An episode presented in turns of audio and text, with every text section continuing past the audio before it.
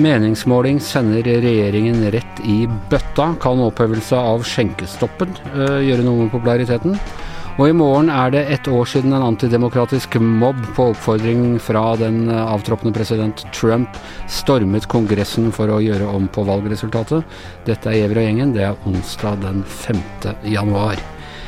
Ja, uh, Tone Sofie, det er ikke kanskje så overraskende, men det er allikevel noe eh, ganske dramatisk over å se disse nye meningsmålingene som eh, sender en regjering som ikke engang har fått begynt på hvetebrødsdagene sine, så til de grader eh, nord og ned. Eh, ja, og det er jo også ganske overraskende, for jeg, jeg, trodde at det her var en regjering som hadde alle muligheter til å få en flying start, eh, bli populær, vise handlekraft ut fra hvordan det politiske landskapet var i i, i valgkampen. Eh, men det er nok en um, perfekt storm som har uh, har, har, har, møtt dem for, for, å stjele det begrepet der, og som gjør at de kommer dårlig ut av mange saker. Er det urettferdig? Er det, sånn, altså, er det noen regjering som ville ha kunnet håndtere to sånne på Altså dette er jo dette er jo ikke overraskende saker sånn sett. Altså, det har jo vært uh, spekulasjoner dette med strømpriser gjennom flere år, hvordan dette markedet ville virke og, og hvis vannmagasinene ble tomme og sånn. Og pandemien var jo i hvert fall, selv om det ble sagt at den var over, så var det jo ikke noe grunn til å senke garden veldig. Mm, jeg vil si at det er en, eh, en blandings. For det når det gjelder pandemihåndtering, så tror jeg nok at uh, de, de, var for dårlig forberedt. Og jeg tror det er litt det de sliter med nå, at de uh, Det tok litt for lang tid før de skjønte alvoret og signaliserte veldig det de ønska. Og ære være, heia for så vidt på den linja sjøl, med gå på julebord og et fritt samfunn og slå ned smitten lokalt. Men jeg tror de skjønte for seint. Eh, at de, at de, ikke agerte. Så når de først agerte, så tror jeg kanskje at de slo til litt for hardt, eh, f.eks. med full skjenkestopp, og er nå i en litt sånn situasjon at det er litt sånn um, feil uansett uh, hva de gjør. Men jeg tror nok at det å bli populær som koronahåndterer, det jeg tror jeg er mye vanskeligere nå, og det tror jeg ville vært uansett hvem som hadde styrt. Hva sier de på Stortinget om dette? Er, det, er opposisjonen med på at dette er uflaks, eller har, har, de en forslag til bedre løsning? For å si det sånn, så tror jeg nok at det er noe annet i um, Høyre som uh, tenker at uh, det er bra at det ikke er vi som styrer nå, for jeg tror nok Det er vanskelig å si også, men jeg tror nok at Erna Solberg og Bent Høie har nok, har nok en Eh, stødigere hånd med pandemihåndtering. De har nå tross alt eh, gjort det her eh, i snart to år. og og leder og har en, kanskje en annen autoritet ute blant folk. Jeg hører hvert veldig mye at folk sier liksom 'å, savner Bent Høie', liksom, og det er sånn helt vanlige folk som ikke nødvendigvis Han fikk jo litt kritikk i begynnelsen av ja, pandemien, han òg, at han var for slapp og for tilbakelent og sånn. Absolutt, men da var liksom folk satt nå hjemme rundt TV-en og bare heia på strenge tiltak og lagde til og med fanklubb rundt han. Så akkurat den biten, men, men det som jeg tror ville vært tungt for for også for en høyreregjering, det er jo den strømsituasjonen og den kraftkrisa vi, eh, vi er i nå. For eh, her er det jomma ikke noe enkle løsninger på et ganske stort problem. Og min opplevelse er at folk er mer opprørt og bekymra for strømmen enn for eh, korona nå. Og nesten uansett hvordan man forklarer denne strømprisen, så er det et slags felles politisk ansvar. Eh, alle partier har hatt en hånd i, i vår tilknytning til eh, strømmarkedet, til eh, legging av kabler, til eh, Så kan bare, man kan ikke bare skylde på det. Det er ingen som har protestert mot, eh, veldig høyt, med mulig unntak av Rødt og, og, kanskje SV, at man, at man, knytter seg til et internasjonalt energimarked, og at man skal avhjelpe sånn at man blir kvitt den der stygge kullenergien i England og Tyskland og erstatte den med ren norsk energi? Nei, og det er jo få som har noe særlig å være stolt av, kanskje med unntak av Rødt og SV. Men problemet der er jo for det første hvordan skulle de klart seg uten alle de inntektene vi får fra det. Det er jo det vi lever av i det landet her, er jo å selge strøm og gass og olje og, og sånn. Og, Og det andre er jo at uh, de har jo blitt de mest konservative i å bygge ut ny fornybar energi òg. Så det er liksom ikke noe sånn uh, Ja ja, de kan jo si at vi var mot disse kablene og ACER og alt det der, men uh, det er ikke sånn at jeg tror at det har vært en sånn fantastisk løsning på den sida. Men det virker jo som at alle politikerne som har vært involvert, sittet i Olje- og energidepartementet og hatt en hånd på rattet, også Senterpartiet, ikke minst, har jo måtte heia fram eller vært en del av den løsninga og trodd på det her. Og det har nok også vært ganske mye naivitet ute og går på at elektrifisering er det store, det skal redde oss, det er grønn energi, og kanskje ikke sett alle, alle farene. Er det på tide å tenke nytt om elektrifisering av sokkelen? Jeg, jeg, tror at det er en av de debattene som nå vil komme opp. og det, Der har egentlig Frp vært veldig alene med at uh, det her er noe tull. Og det er liksom lett for Frp å mene, fordi jeg har liksom ikke jeg er ikke så bekymra for det grønne skiftet som mange andre partier, men jeg tror nok at det vil spre seg litt. Det har vært en og annen fra MDG f.eks. som har ytra seg om det, og selvfølgelig fått mye kjeft internt. Men jeg tror det er en av de debattene som kommer, og vi hører at Vedum sier at uh, vi vil kun ha elektrifisering hvis vi kan garantere at det ikke blir på landstrøm, men det er liksom uh, Det er nok kanskje lettere sagt enn gjort det. Og så er det jo kjempeutfordring med disse hybridkablene som skal bygges, som, hvor regjeringa rett og slett er uenig internt.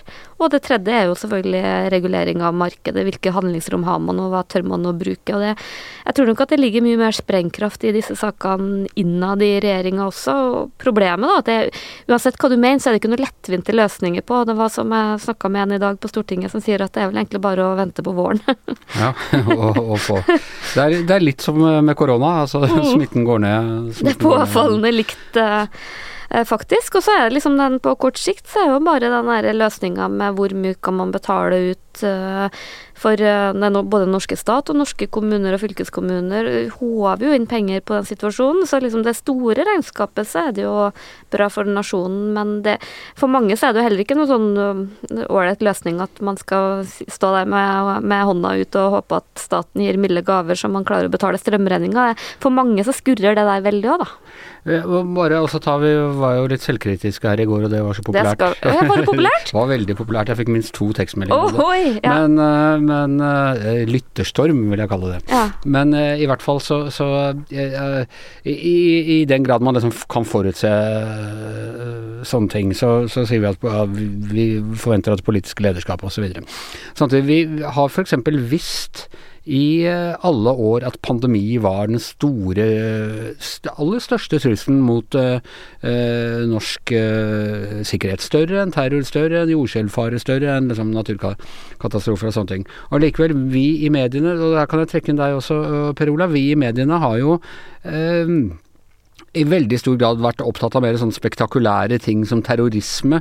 Uh, F.eks. når vi snakker om sikkerhet, har vi også forsømt vår oppgave når det gjelder, uh, når det gjelder å advare og, og, tydeliggjøre hva både en pandemi har kunnet si, og, og hva, hvordan liksom strømmarkedet har kunnet utvikle seg. For vi vet jo at politikerne, i hvert fall til en viss grad, lar seg styre litt av hva vi fokuserer på i mediene. Ja, det kan man helt sikkert si. Men det er alltid vanskelig også Uh, altså at man, man, vet at dette er noe som kan komme til å skje, eller vil komme til å skje i fremtiden, men det er ikke her og nå. og Da blir det ikke den samme Mm, aktualitet da, som det vi er opptatt av å skrive om i det daglige. Jeg, jeg, fikk selv øynene opp for dette med pandemi da jeg var i Hongkong for 20 år siden omtrent. og Da intervjuet en kar som, en av disse forskerne som hadde identifisert SARS-virus. og Han sa til meg at den neste store globale pandemien er egentlig på overtid. Det, burde, det, burde, det skulle egentlig ha skjedd allerede. Han sammenlignet da med den store eh, med, med, med spanskesyken eh, Eh, som da eh, var 19, fra 1917 og, og utover. Og, og, at det, og, at det, var ikke noe spørsmål om det ville komme, men bare når det kom. En ny stor pandemi. Og det, vi skrev jo om, Jeg skrev om det, og vi har skrevet om disse tingene.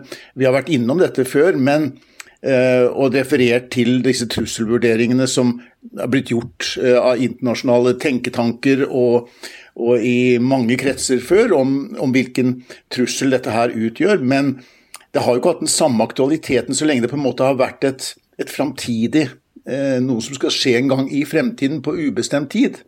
Vi lever av aktualiteter, vi skriver om det som er en nærværende trussel her og nå, ikke sant. Hvordan tenker du, Tone Sofie, at eh, hvordan, hva er prognosene for denne regjeringen? Hvordan kan de klare å, å reise seg etter en, eh, en sånn liksom knockout i første runde, eller eh, er de nå Henger det et sånt nederlagsmedalje rundt halsen på dem som en albatross? Nei, altså Jeg tror jo det snur seg utrolig fort i politikken, ikke sant. Det Eh, kanskje får de en ny vår, bokstavelig talt, da, hvor strømprisene går ned, og omikron er eh, forsvunnet og, og sånn. Problemet deres nå, og det, det som er med de, sånne store kriser, at det tar jo all energi i rommet og tar jo all luft ut av alle andre saker. Så det som jeg tror de hadde sett for seg at de skulle liksom rulle ut Buskerud og Vestfold, Høgskolen på Nesna, domstolsreformer, alt det gratis ferje, alt det som de, de, ville jobbe med og skulle få til ikke sant, på arbeidslivsområdet og sånn, det blir liksom bare en liten parentes, og mye av det òg blir kanskje ikke blir egentlig bare sånn uh, sand i maskineriet som Ja, sånn, Er dere opptatt av det nå, liksom? Ja, ja, ikke sant. Og, så det, de får liksom heller ikke Eh, vist alt det positive, og så er det et problem for dem. Og der sliter de nok litt. Eh, eh, for de får ikke vist fram statsrådene sine og deres saker. Jeg tror de, de fleste av, de nye statsrådene tror jeg knapt har vært i media. I hvert fall sånn at, at andre enn oss da, som følger ekstremt tett med, vet hvem de er og, og hva de står for. Ja, snakk for deg sjøl, jeg har ikke oversikten. Nei, men, men, mens det som kjennetegna litt Erna Solberg sin regjering det siste året, var at særlig de statsrådene som håndterte de store krisene, eh, de, de, hadde høy troverdighet, høy synlighet og var populære. Mens det er litt sånn motsatt, opplever jeg, til, i Støre sin eh, regjering nå. At olje- og energiministeren, helseministeren, finansministeren, justisministeren liksom, De er litt sånn De sliter litt med sine saker, da, men det kan selvfølgelig snu, snu fort, det, der. Eller om ikke akkurat fort, så kan det jo selvfølgelig Det vil jo sannsynligvis bedre seg.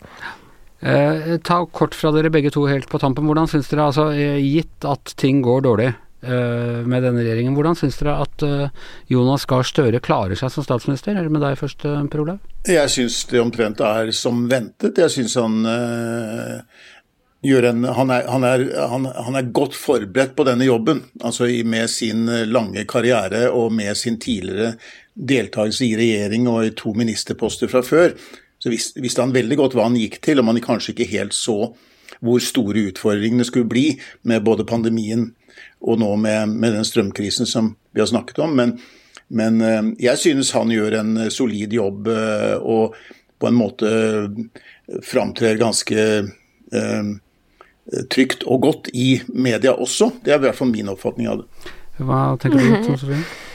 Nei, jeg må jo si at eh, Støre er jo en politikertype som jeg personlig har veldig sansen for. Han, for meg framstår han i hvert fall som en person som eh, lytter, ikke veldig spiss. Han er jo veldig god retoriker, stor, veldig opptatt av liksom det helhetsbildet. Og jeg syns jo ikke at han har kommet noe dårlig ut Eh, så langt. Det er vel flere av statsrådene som kanskje har slitt mer eh, på det med kommunikasjon. Men, men det jeg er usikker på, det vet jeg rett og slett ikke, er hvor god leder han er internt og skjærer gjennom, ta de rette beslutningene. Og jeg tror Ref det vi snakka om i stad med beredskap. Jeg tror som samfunn så kan vi ikke være forberedt på alt. Vi kan ikke ha en pandemihåndtering klar i tilfelle det skjer, eller bomberommene opp oppussa for milliarder.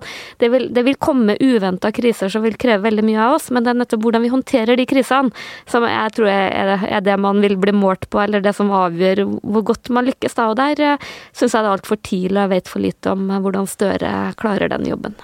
Det ble en veldig god bro over til det neste vi skal snakke om. Hvordan håndterer man en krise, og hva er, eh, hva er god ledelse?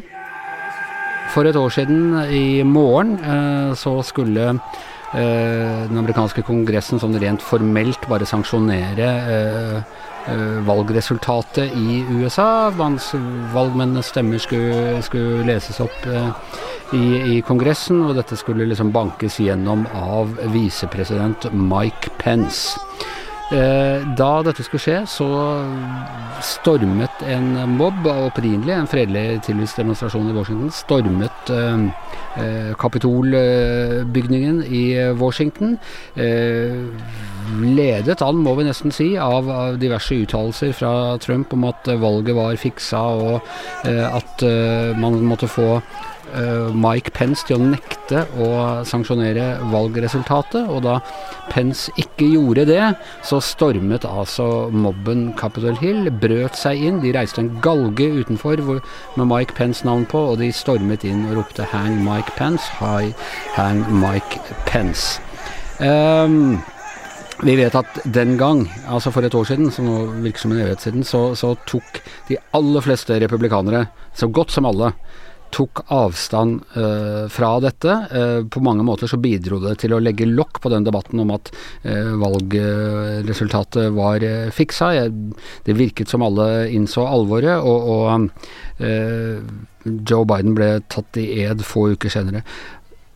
Per Olav, hva tenker du? La oss si at vi får ny, et nytt valg, eh, ny valgkamp med Donald Trump, hvor han stiller mot Biden eller Camilla Harris eller en eller annen. At han taper igjen, og at han kjører den samme retorikken om at eh, valget har vært fiksa.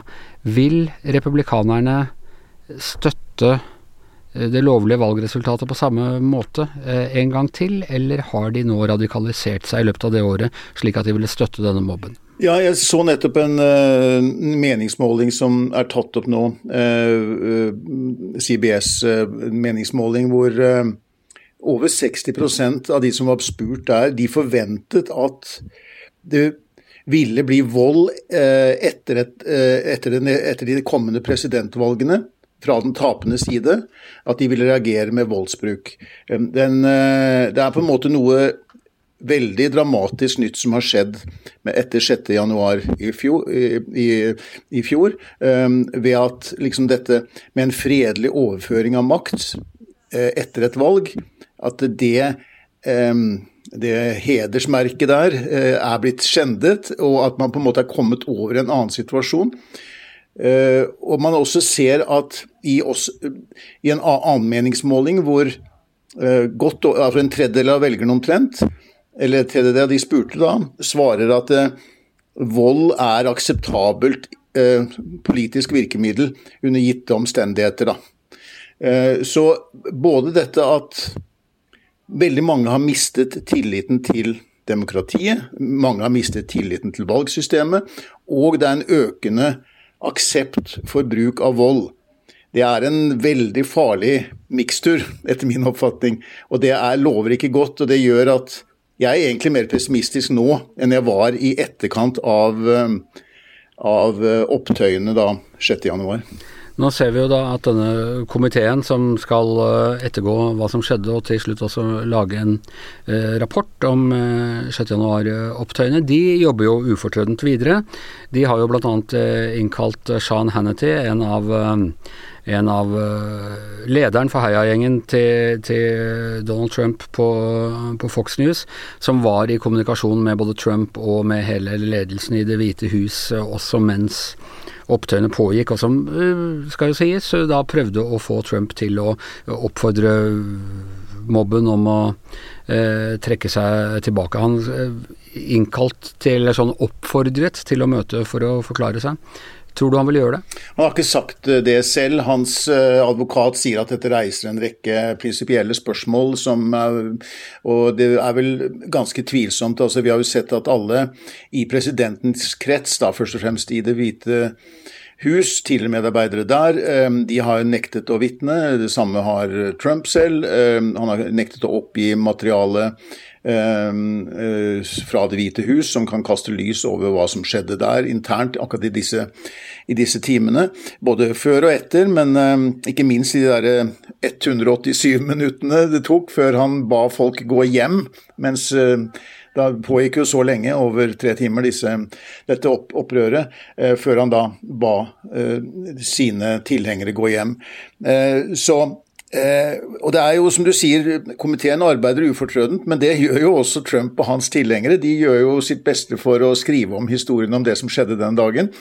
Og eh, like ufortrødent fortsetter Trump å si at valget ble stjålet fra ham i november 2020. Samtidig så jeg tenker på med han Hannity, som skal love deg han er ikke min kopp til. Men uh, rent uh, som journalist så ville jeg sagt at hvis, hvis en eller annen stortings... Uh, sånn kontrollkomiteen i Stortinget innkalte meg og ba meg svare på tekstmeldinger jeg hadde sendt til frem og tilbake mellom med kilder i en eller annen anledning, så ville jeg nekta det. Her, her kan han vel på, på journalistisk grunnlag si at vet du hva, det har dere rett og slett ikke noe med. Ja, og det er jo også det, det, jo også det um, hans advokat uh, antyder, at her er det så mange prinsipielle um, sider ved dette at, det, at dette her kan, er vanskelig også, å imøtekomme. Det er jo også en, det er også en sånn en frivillig henstilling da, fra denne komiteen. Det er ikke en sånt pålegg om å møte, som en del av de andre har fått. sånn at jeg tror det er usannsynlig. Og disse tekstmeldingene, jo, han sendte jo veldig mange, de er jo fremkommet fordi Eh, Trumps tidligere stabssjef Mark Meadows eh, ga jo komiteen en del materiale, bl.a. en del av denne eh, utvekslingen av e-poster hvor både Hannity og en del andre eh, av Trumps eh, støttespillere eh, oppfordret han til å gripe inn, stanse dette. Uttrykte også uro i forkant av hva som kunne komme til å skje den 6. januar. Har vi noe peiling på når denne komiteen kommer til å konkludere, når, når vi kan forvente en rapport? For jeg har en følelse av at den rapporten kommer til å bli veldig interessant. De har, de har gjort en masse arbeid denne høsten. De har snakket med, de har intervjuet, hatt, tatt vitneutsagn fra omtrent 300 personer med tilknytning til saken. De har samlet inn tusenvis av dokumenter. Det har kommet ut litt om det arbeidet, men det er egentlig nå det starter. Det, man, det er nå i tiden fremover man skal ha en del åpne offentlige høringer om saken, og så skal de legge fram en rapport eh, før sommeren, eh, forhåpentligvis i god tid før sommeren. Eh, sånn at eh, eh, det, det, det, er et arbeid som er pågående, og som vil resultere i en rapport. Og Det er jo verdt å huske at det er faktisk en tverrpolitisk gruppe, dette, selv om de to republikanerne som sitter i denne gruppa, da på en måte er støtt ut, eller i hvert fall støtt ut i kulden, da, eh, i sitt eget parti. Ja. Eh, vi er heller ikke helt ferdig med denne saken. I, i morgen så skal vi, skal vi, ha en prat med uh, Camilla Svennes Bergland, som var uh, i uh, Washington og, og, dekket dette for VG da det skjedde. Og på fredag så skal vi, litt, skal vi gå litt dypere inn i litt sånn Quo Vadis USA. Hvor, hvor går USA egentlig? Er dette, denne lysende byen på, på den demokratiske uh, høyden i, i ferd med, å liksom brenne som Roma, for å overdramatisere litt? Uh, men Giæver og gjengen er over for i dag. Her i studio Tone Sofie Aglen, i hjemmestudio uh, Per Olav Ødegaard. Jeg heter uh, Anders Giæver, og mannen som passer på at uh, ingen stormer studio mens vi sitter her, er som vanlig produsent Magne Antonsen.